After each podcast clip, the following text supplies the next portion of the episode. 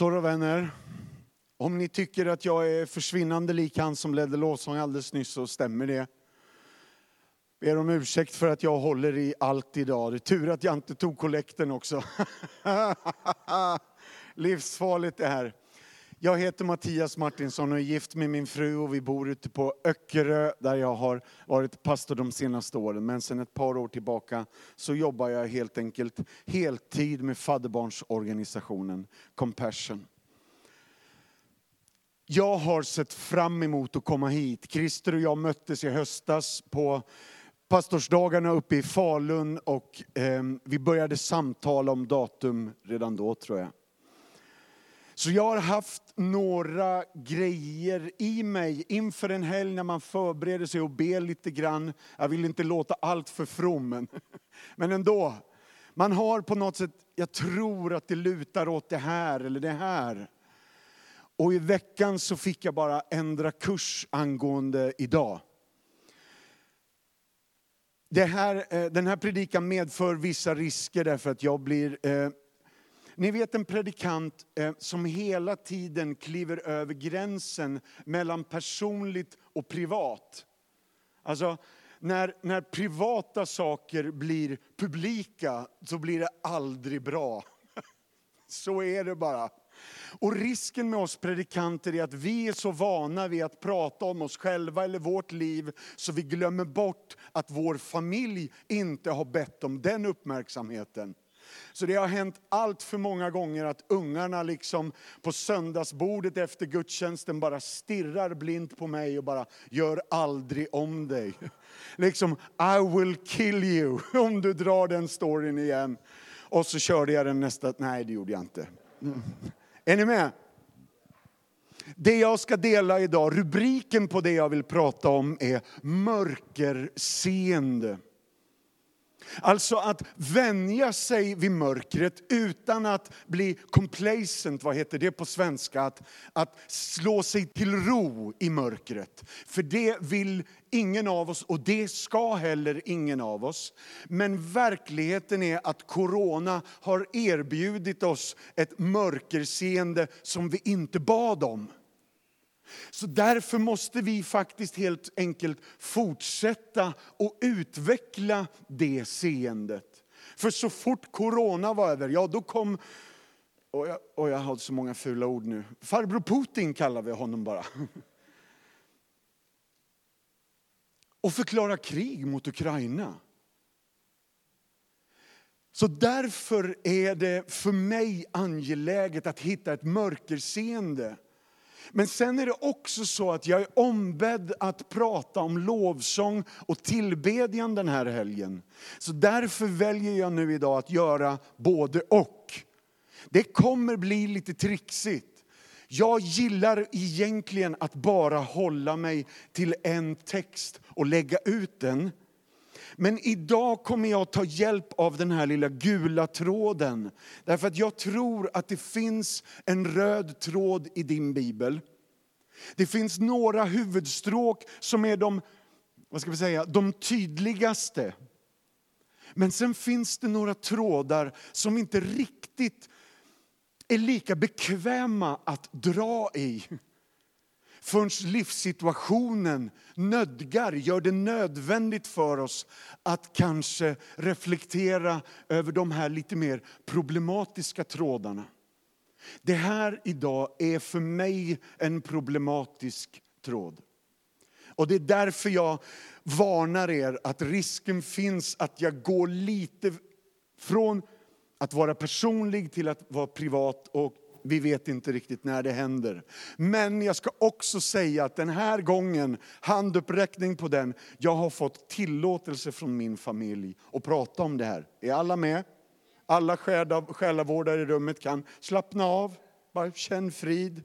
Och så får vi se hur det känns efter predikan, för då blir det förbön. Vad är det egentligen med natten? Om din telefon ringer på dagen så reagerar du inte jättemycket, för den brukar ringa. Men om den ringer på natten, visst är det en helt annan känsla när man svarar då? Man undrar, vad har hänt? Vad är det? Och det är bara skillnad på natt och dag. Och nästa grej, om du hör en hund skälla, ska jag byta mick eller? Vill ni att jag ska ta Christers? Om du hör en hund skälla på dagen så känner du, åh vilken tur att inte vi skaffar hund. Alltså det är bara en känsla av befrielse. Men om du hör en hund skälla på natten och den aldrig riktigt slutar, utan det hänger i, då börjar vi undra, ana oråd. Om en ambulans kör förbi på dagen, då blir jag fundersam, men jag är gift med en fru som inte bara är fundersam, utan hon är from. Så fort det flyger förbi en ambulans så börjar hon be. Gode Gud välsigna de ambulansgubbarna och den ambulanspersonalen och, och den som ligger där eller den som snart ska in i ambulansen. Gode Gud ta hand om den situationen. Och jag bara, en ambulans. Ja, ni får lite avslöjanden här idag. Men om jag hör en ambulans på natten, om jag hör de där sirenerna, då är det inte samma sak som på dagen. Nu kommer jag avslöja lite om Öckerö också. För om moppekillarna kör trimmat på dagen, så har jag upptäckt att jag har blivit en gammal farbror. Som i dagsljus står ut med dem, men på nätterna säger okristna saker som inte går att säga i gudstjänster. Eh, och jag vill inte ha handuppräckning på den där, men jag ser att det är några män som nickar i rummet och bara, vi är med dig broder. Alltså liksom, fram med hagelböst. Nej, det sa jag inte. Natten kommer då människan inte kan jobba, men Gud kör 24-7 dygnet runt, 365 och var fjärde år är det 366. Elie Wiesel har skrivit en bok, jag tror till och med att rubriken är Natten eller mörkret. Han satt i koncentrationsläger och i de helvetessituationerna han var instängd i och inte på något sätt kunde komma loss, så hittar han möjligheter till ljus, trots att det inte finns någon tillstymmelse till ljus i de situationerna han var i. Och vi skulle kunna göra listan lång. Maximilian Kolbe gav sitt liv i koncentrationsläger för att befria en annan man. Och de av er som kommer ihåg Corrie ten Booms bok på 70-talet, Gömstället hette den. Som förklarar hennes glädje över lopperna i Auschwitz. Och när jag kom så långt så kände jag, nej nu är inte jag med henne längre. Där går gränsen. Loppor i ett koncentrationsläger kan man inte glädja sig åt. Men lyssna nu, anledningen var som följer. Hon och hennes syster hade bibelstudium, sjöng lovsång dagligen i sin barack. Men nazisterna kom in och avbröt mötena regelbundet. Men sen lopperna kom fick de vara i fred. Det här är tung teologi hon ger oss. Det här är bra grejer alltså. Så att ropa till Gud i mörkret har inte bara en lång idéhistoria utan en lång biblisk historia. Och någonstans längs vägen så har vi Jesus i psalm 22. Min Gud, min Gud, varför har du övergivit mig? En av mina favoriter sen tre år tillbaka är Jobb. Vi ska läsa några versar ifrån kapitel 1, vers 20-21. Då reste sig Jobb, rev sönder sin mantel, raka sitt huvud, föll ner på marken och nu då, och tillbad. Och han sa, naken kom jag ur min moders liv och naken ska jag återvända dit. Herren gav och Herren tog. Lovat vare Herrens namn. Du som är lite bevandrad i Jobs bok vet att han har förlorat allt alldeles nyss. För mig är det inte bara mindblowing att han säger lovat är Herrens namn ändå. För det är vad han säger. Men för mig är det helt mindblowing att han kan ha det mindsetet efter allt han har genomlevt. Om ni bläddrar igen ska ni få se två versar till ifrån Jobb, sen ska vi lämna honom, jag lovar. Jobb 30 och vers 26 säger, men när jag sökte det goda så kom det onda. Jag vänt, när jag väntade på ljus så kom mörker. Och här kommer vi till min fråga, min rubrik idag. Vem skriver de sånger som sjungs i natten? Jobb 35 och vers 10. Men ingen frågar, var är Gud som har skapat mig? Han som låter lovsången ljuda i natten. Den här predikan kommer att vara lite lurig. Men för några av oss kan de här bibelorden vara själavårdande. De kan kliva rakt in i vårt mörker och ställa sig bredvid oss, där vi tillsammans med jobb får säga, lovat vare Herrens namn. Jag fattar inte hur det är möjligt, hur detta kan hända.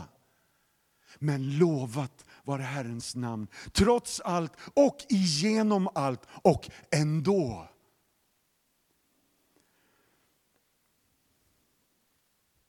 I hela Bibeln så ser vi att tillbedjan den växer fram i mörka, svåra omständigheter, luriga och svarta passager. Saltaren skrevs mitt i smärta, hjärtesorg och lidande. Och Paulus skrev Filipperbrevet i fångenskap. Men temat för hela boken är glädje. Man bara, det är inte bara jobb som är lite vrickad här. Johannes skrev Uppenbarelseboken i exil på helveteshålan Patmos. Alltså nutidens Alcatraz. Hela målet med den boken är seger. Alltså det Jobb, Paulus, Johannes, alltså, har de en skruv lös? Eller har de hittat någonting som vi behöver få tag på här? Lyssna nu då. En gång om året gör vi i Sverige stor sak av det här. Inte bara i kyrkan, utan skolorna firar Lucia. Och vi säger mörkret vinner över ljuset. Ljusets genombrott i den mörkaste tiden när det här tåget liksom i svinottan sitter trötta föräldrar. Men när ljusen kommer in, då vaknar man till. Det händer något med mig när jag ser det där. Vi kan fortsätta genom kyrkotraditionen och säga att det här mörkret var anledningen till att alla Negro Spiritual föddes för 100-150 år sedan. Den sången, i den situationen, med det evighet, evighetshoppet inkluderat, var liksom eh, det fasta ankaret i en tillvaro som annars bara flög åt alla håll. Det var liksom hoppet i Hebreerbrevet som säger att det liksom leder innanför förlåten. Som hjälper oss att hålla ett, ett högt fäste i tider där allt bara går lågt.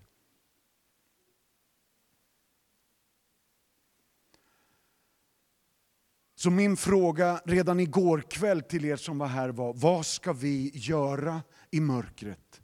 Och svaret igår är samma svar som idag. Vi behöver komma till Jesus i mörkret.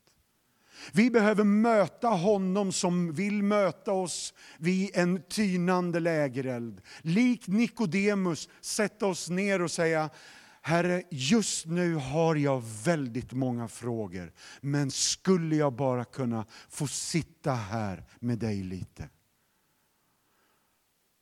Bara, bara blicka in i ditt ansikte, möjligtvis höra din röst lite grann. Jag vet att det inte finns svar på varenda fråga jag har. Men jag vet att du är svaret. Och där får vi sätta oss bredvid Nikodemus. Och det gjorde vår familj för tre år sedan. Ni kan få se en bild på oss. Det ser väldigt mysigt ut och det är för att jag håller på att välta hela gänget. Men där har vi just blivit utskrivna från akuten där vi har tillbringat en hel höst med vår yngsta. Slutet av sommarlovet känner vi det är något som inte är bra. I september hade hon gått ner 12 kilo på sex veckor. Och hon var en liten plutt till att börja med, hon var 12 år. I oktober så var vi tvungna att göra ett test för vi hade som familj legat på och sagt allting är fel. Och läkarvården säger att allting är bra men helt plötsligt sitter vi där och så säger läkaren vi vill inte att du reser dig ur stolen. Det var så torrt i hjärtsäcken. Så det fanns stora risker för att det skulle smälla. Vi låg inne hela hösten. Dottern, frun och jag. Våra vänner åkte hem och fyllde frysen med mat till våra grabbar. De gjorde läxläsning med killarna, såg till att de lärde sig tvättmaskinen. Och 24-7 var vi där och bara kämpade för hennes liv. Den hösten gav Hillsong Australien ut There is another in the fire. Och Taya sjöng den här i sex stycken olika versioner med popband, med arenarock, med symfoniorkester, i studion, akustisk med gitarr och piano. Och de där sex versionerna gick på repeat i min telefon dygnet runt. Det blev min andliga föda. För jag kunde inte sjunga själv. Så hon fick sjunga för mig. Sjukhuspersonalen sa, ut med dig, gå runt sjön, lyssna på det där du gör, för det hjälper. Så sången i natten är inte bara en esoterisk, liksom poetisk bild som jobb ger oss, utan det här är handfast undervisning som vi kan ta till oss när livet verkligen blir... Alltså, när hela världen gick i lockdown och Sverige skulle stanna hemma, då hade vi suttit hemma ett halvår. Vi hade inte kunnat gå utanför dörren med den här tjejen. Vi fick övervaka varenda måltid. Jag la mig på kontoret på en madrass för att jag skulle ha nära till hennes rum, så jag kunde höra, lever hon? Så sången i natten är en helt avgörande teologisk verklighet som går som en röd tråd genom hela Bibeln och som en tröst till alla de av oss som känner, när tar det här slut?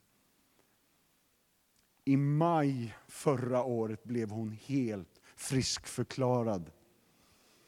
Överläkaren på, ja kom igen. Mm. Vi bläddrar lite så läser vi Jesaja så fattar ni varför det här är så angeläget för mig. För mitt i den här helvetesresan så skickar min moster, en, först och främst skickar hon en slant. Hon skickar alltid en slant. Det är ganska mycket pengar men det kallas ändå för en slant när man är moster. Här är en slant, köp något gott att äta. Och vi bara, åh, kebabrulle.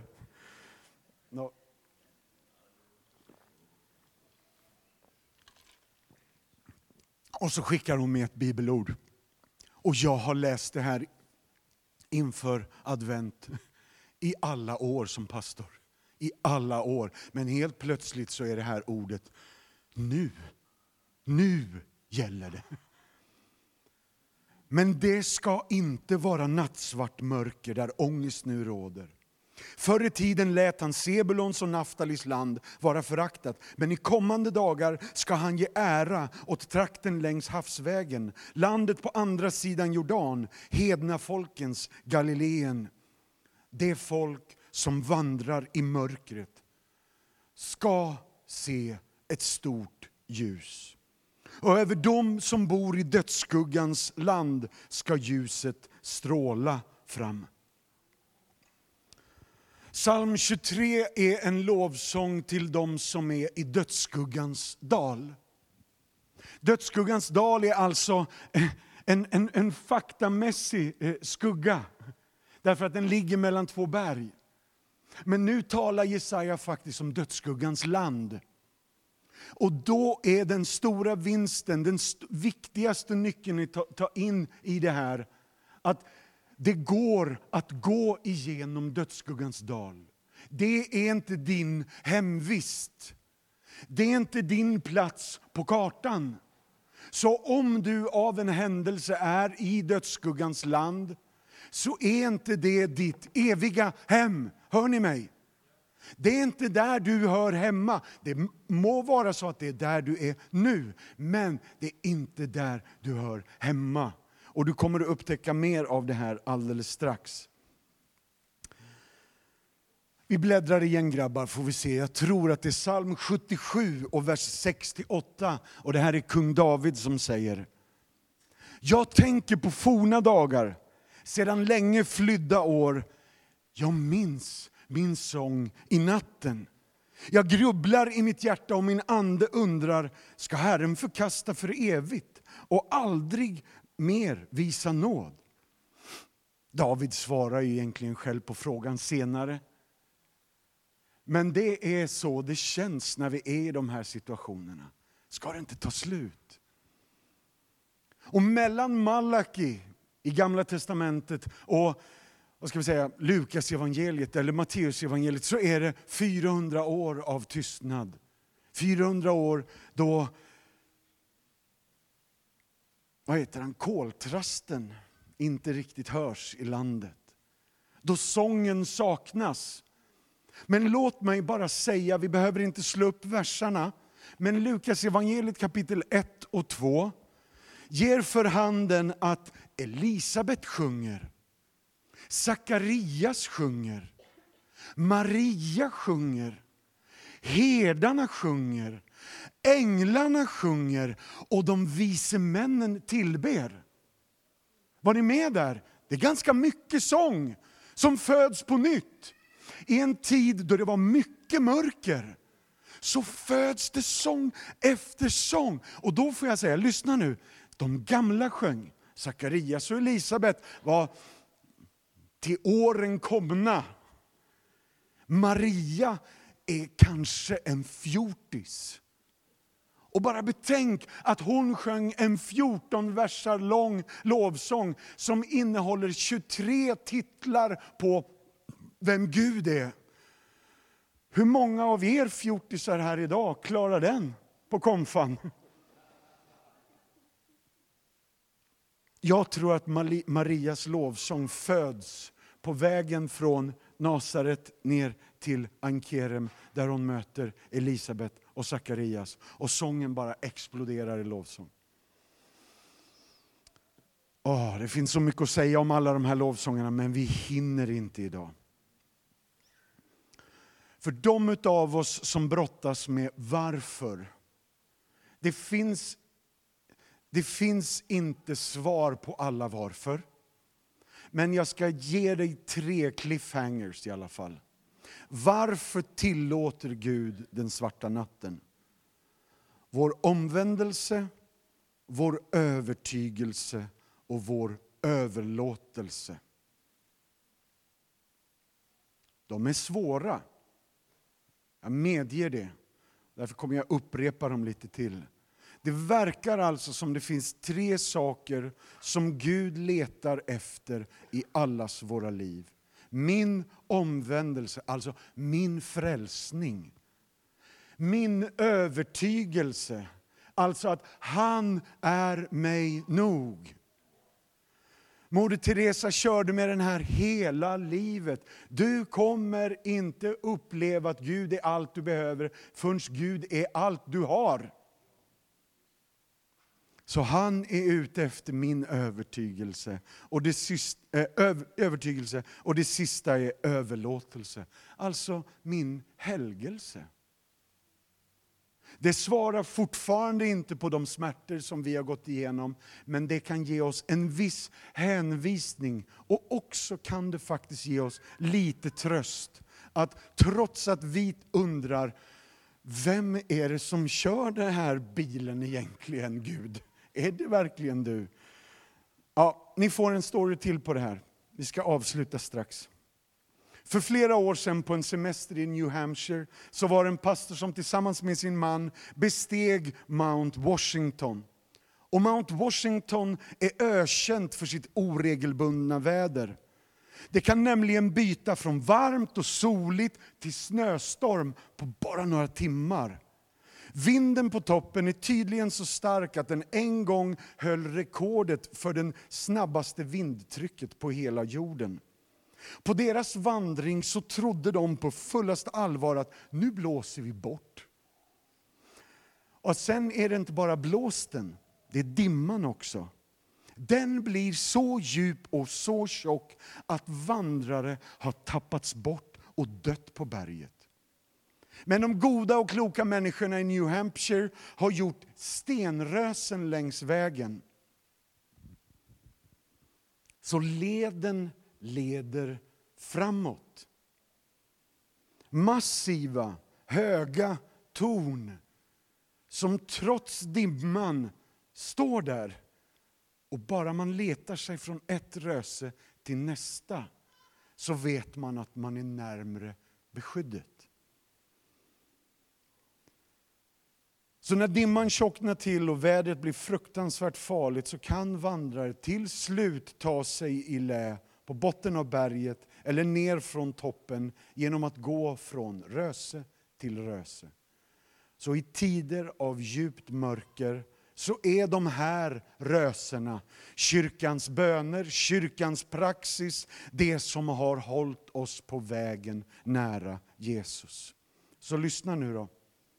När jag inte själv fann orden och tyckte inte att jag kunde be, så sa kyrkan, Fader vår som är i himlen. Och när jag inte tyckte mig kunna tro att den här situationen kommer att lösa sig,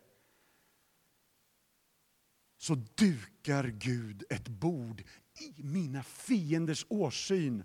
Och så bjuder han kyrkan och säger, kom och ät och drick. Och så säger kyrkan, för dig utgivet, för dig utgjutet.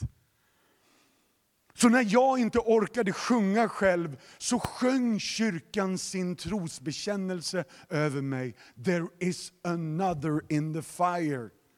Det handlar om Sadrak, Mesak och Avednego som av kung Nebukadnessar blir slängda i elden. De är tre grabbar, kungen tittar in genom luckan och ser en, två, tre, fyra. En, två, tre, fyra. Hur många slängde vi in? Tre, en, två, tre. Den fjärde, och nu då? Nebukadnessar säger det här själv, det här är ordagrant. Han säger, den fjärde ser ut som en gudason. Och jag läser texten och bara, här är bra. Så när jag inte orkar tillbe så sjunger kyrkan sin trosbekännelse över mig. Det här är mina ledstänger. Det här är mitt följesnöre. Det här är mina rösen som leder oss alla framåt. Nu då, avslutningsvis. Vi ska visa massor av bilder. Nu blir det så här, vad heter de här tv-programmen när man ska åka till olika platser i världen för att se så här. När och fjärran. Nu, nu blir det när och fjärran. Vi bläddrar grabbar. Vi ska åka till Filippi, som ligger i Europa. Det är en stad som nu är ruiner, men det var åtminstone 250 000 invånare i den här staden. Den hade allt du kan tänka dig. Eh, Europavägarna samlades här. Det här var knutpunkten i Europa. Så om vi bläddrar igen så kan ni få se min mamma och mina systrar på väg in i stora porten i Filippi. Om vi bläddrar igen så kan ni få se Areopagen, där Paulus och Silas troligtvis predikade. Alltså, står man längst ner så hörs det till sista bänk. Och jag och min brorsa killgissade, det kanske får plats 2 500 pers här. Glöm det, över 4 000 fick plats. Och det hördes ända upp. Vi testade till och med. Om vi bläddrar igen så ser ni lilla porten in i staden. Här börjar byn. Nej, det är fel att säga by. Här börjar stororten Enköping. Eh, vi bläddrar igen så kan ni få se Stora torget som senare också hade blivit en romersk begravningsplats. Därav så många gravstenar på den här ytan. Om vi bläddrar igen så kan ni få se eh, marknadsplatsen där man tror att Lydia sålde sina tyger. Lydia var från Tyatira. och hon var eh, en riktig hotshot i, i, i tygbranschen. Jag vet inte ens vad det heter. Alltså hon, var, hon var den som sålde de snyggaste, de lila grejerna som de dyraste köpte. Hon är den första församlingsplanteraren med en demonbesatt tjej som just har blivit befriad. Jag bara älskar, det här är en liten blandad grupp. Det här är startteamet, de här två tjejerna och fångvaktaren som vi kommer till strax. Nu bläddrar vi. Nu får ni se toaletterna i Filippi. Jag vet inte riktigt varför jag har med den, men jag vill bara säga att de satt 50 pers på toa samtidigt. Ni kan få se en bild på tre amerikanare här också. Ja, vi tar den lite snabbt bara. Men nu då, dopplatsen där Lydia och eh, eh, fångvaktaren låter sig döpas. Kan få bläddra igen så får ni se en bild på mina syskon när de sitter och högläser Filipperbrevet och Apostlagärningarna 16 och bara, här hände det. Här är det på riktigt. Och nu är vi framme vid fängelsehålan, för Paulus och Silas blir fängslade, givetvis mot sin vilja, men också utan rättegång. Och det här är unheard of. Så här gjorde man inte ens på den här tiden. Ni kan få se lite längre in i fängelsehålan. Därför att Paulus och Silas blir pryglade och piskade över ryggarna offentligt. Det betyder förnedrade. Sen blir de satta i den innersta fängelsehålan. Som vi bläddrar igen så kan ni få se, någon har satt upp en skylt på Prison of St. Paul. Den innersta fängelsehålan betyder den lägsta fängelsehålan. Det fanns en anledning till att jag visar er toaletterna. För i ett fängelse finns det inga sådana. Så den innersta fängelsehålan är den lägsta fängelsehålan och det är dit allt rinner. Är alla med mig? För jag vill inte fortsätta det här samtalet längre. Paulus och Silas är pryglade över ryggarna och fötterna sitter i stocken. Var sitter stocken? På väggen. Det betyder att de ligger i 90 graders vinkel med fötterna på väggen och ryggen på golvet. Det kan vara det här bibelordet som är grunden till att vi fortfarande säger mitt i skiten. Lyssna nu då. Vi bläddrar igen. Slagen, piskad, fängslad och sjungandes. Apostlagärningarna 16, och 25 och 26. Vid midnatt höll Paulus och Silas bön och sjöng lovsånger till Gud. Och de andra fångarna hörde på. Plötsligt kom ett kraftigt jordskalv så att fängelset skakades i sina grundvalar. I detsamma sprang alla dörrar upp och bojorna föll av dem alla. Charles Spurgeon har sagt så här. Vilken dåre som helst kan sjunga på dagen. Det är lätt att sjunga när vi kan läsa noterna i dagsljus. Men den skickliga sångaren är den som kan sjunga när det inte finns en ljusstråle att läsa vid. Sången i natten kommer bara från Gud. Den föds inte ur mänsklig makt. Jag älskar att Paulus och Silas, Jobb, kung David, eh, jag skulle nog säga Jona.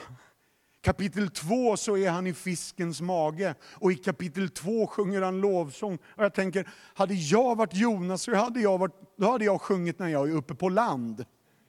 När liksom saker och ting är över. Nej, Jona sjunger i fiskens mage. Fråga mig inte hur, det står så bara.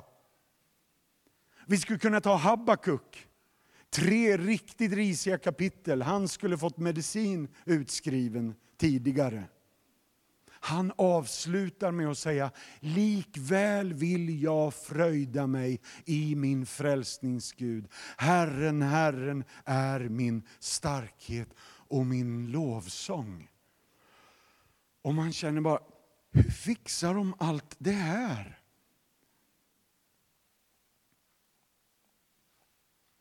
Ni vet, strax innan Jesus ska gå till Getsemane jag upplever det som att han i tre år har vetat vad det här kommer att kosta och vad det innebär.